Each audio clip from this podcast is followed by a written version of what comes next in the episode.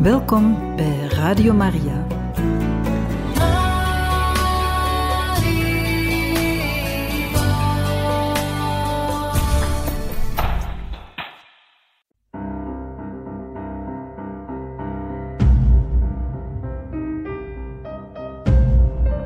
Het woord spreekt. Een programma van Radio Maria.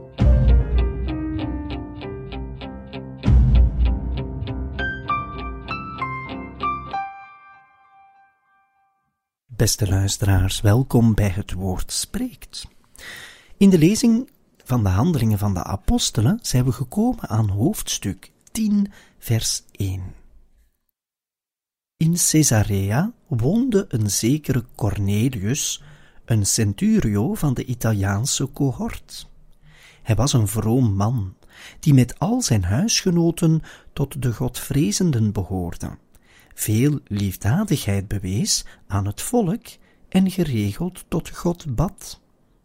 Op een dag rond het negende uur zag hij in een visioen duidelijk een engel van God zijn huis binnenkomen, die tegen hem zei: Cornelius. Hij staarde hem aan en geschrokken zei hij: Wat is er, Heer?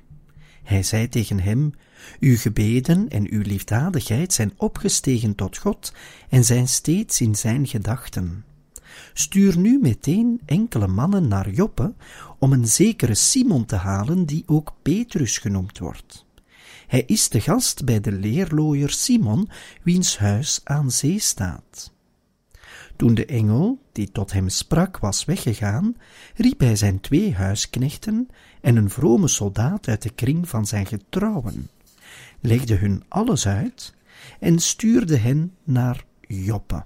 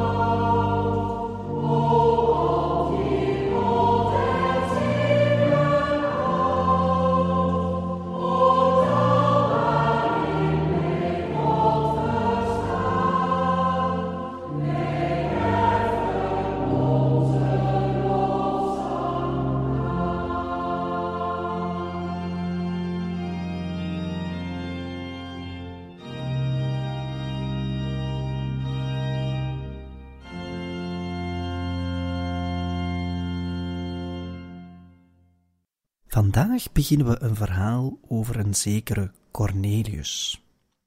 Van Cornelius wordt er gezegd dat hij een centurio is. Dit zou ons moeten doen denken aan een andere centurio die we ook hebben gekend in het Evangelie, namelijk de centurio die aan de voet van het kruis staat. Het is op die Goede Vrijdag dat die centurio op het negende uur wanneer Jezus zal sterven, dat wil zeggen drie uur in de namiddag, dat hij met een lans het hart zal doorboren van Jezus.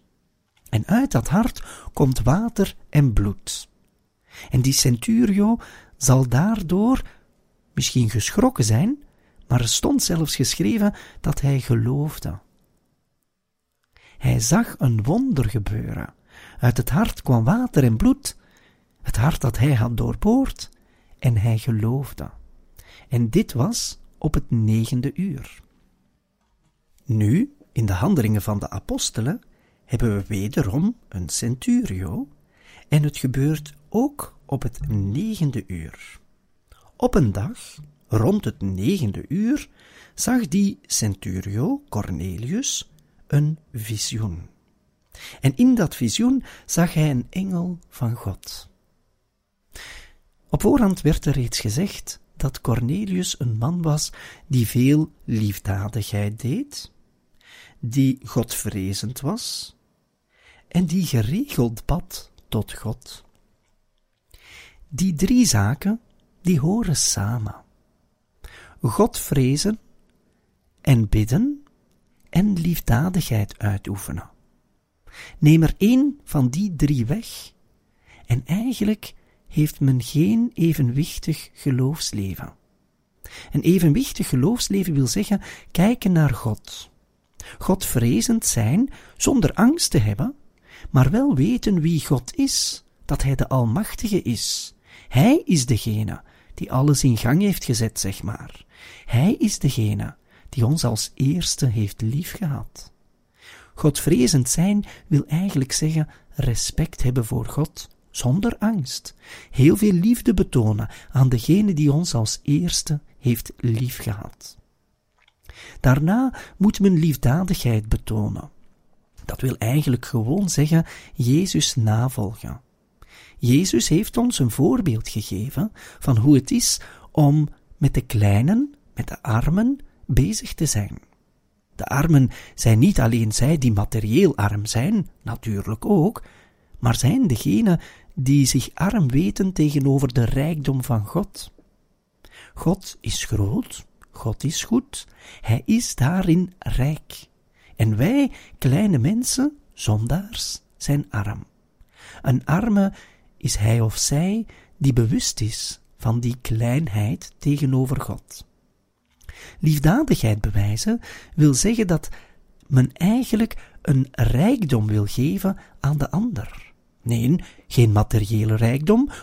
Soms zal dat wel nodig zijn, omdat de mens er nood aan heeft, maar het gaat voornamelijk ook over geestelijke rijkdom. Liefdadigheid betonen wil zeggen de ander groter maken, de ander naar God richten, de ander eigenlijk laten beseffen dat hij of zij ook geschapen is naar het beeld van God, naar het beeld van die God die ons als eerste heeft liefgehad. Dat is liefdadigheid bewijzen. En dan het derde punt, nadat men heeft gesproken over Godvrezend zijn, over liefdadigheid bewijzen. Een persoon die vaak bidt tot God. God is niet iemand die veraf staat. God is niet iemand die van ons, zeg maar, gekeerd is. Wij hebben een relatie met God. En God wil zelfs dat wij in relatie treden met Hem. Hij wil dus dat er een zekere vorm van communicatie is. En communicatie wil ook zeggen communiceren, wil ook zeggen geven en ontvangen. Als wij dus bidden, dan geven wij tijd aan God.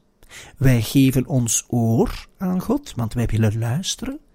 En God geeft ons zijn genade. Hij geeft ons zijn woord. Wij geven en wij ontvangen. En het gebed, als we dat vaak doen, zal ons helpen om God beter te leren kennen. Welnu, die Cornelius is dus zo'n godvrezend iemand. Hij toont liefdadigheid en hij bidt vaak. En het is aan die Cornelius, die gelovig is, dat er een visioen wordt gegeven. En in dat visioen ziet hij een engel binnentreden in zijn huis. En die engel zegt hem: Cornelius. Cornelius zal hem aanstaren binnen dat visioen en vragen: Wat is er, Heer? De engel zal zeggen: Uw gebeden en uw liefdadigheid zijn opgestegen tot God en zijn steeds in zijn gedachten. Het derde punt wordt niet vermeld, die godvrezendheid. Maar uw gebeden en uw liefdadigheid zijn opgestegen tot God. Die godvrezendheid zit daar eigenlijk ook in. Omdat het allemaal is opgestegen naar God, dat toont dat er een vorm is van afstand, terwijl God net dichtbij wil komen, zoals we het reeds hebben gezegd. En dat gebeurt ook. Die gebeden en liefdadigheid zijn opgestegen naar God en zijn steeds in zijn gedachten. God komt dichtbij de mens die gelooft, die dicht bij hem wil zijn.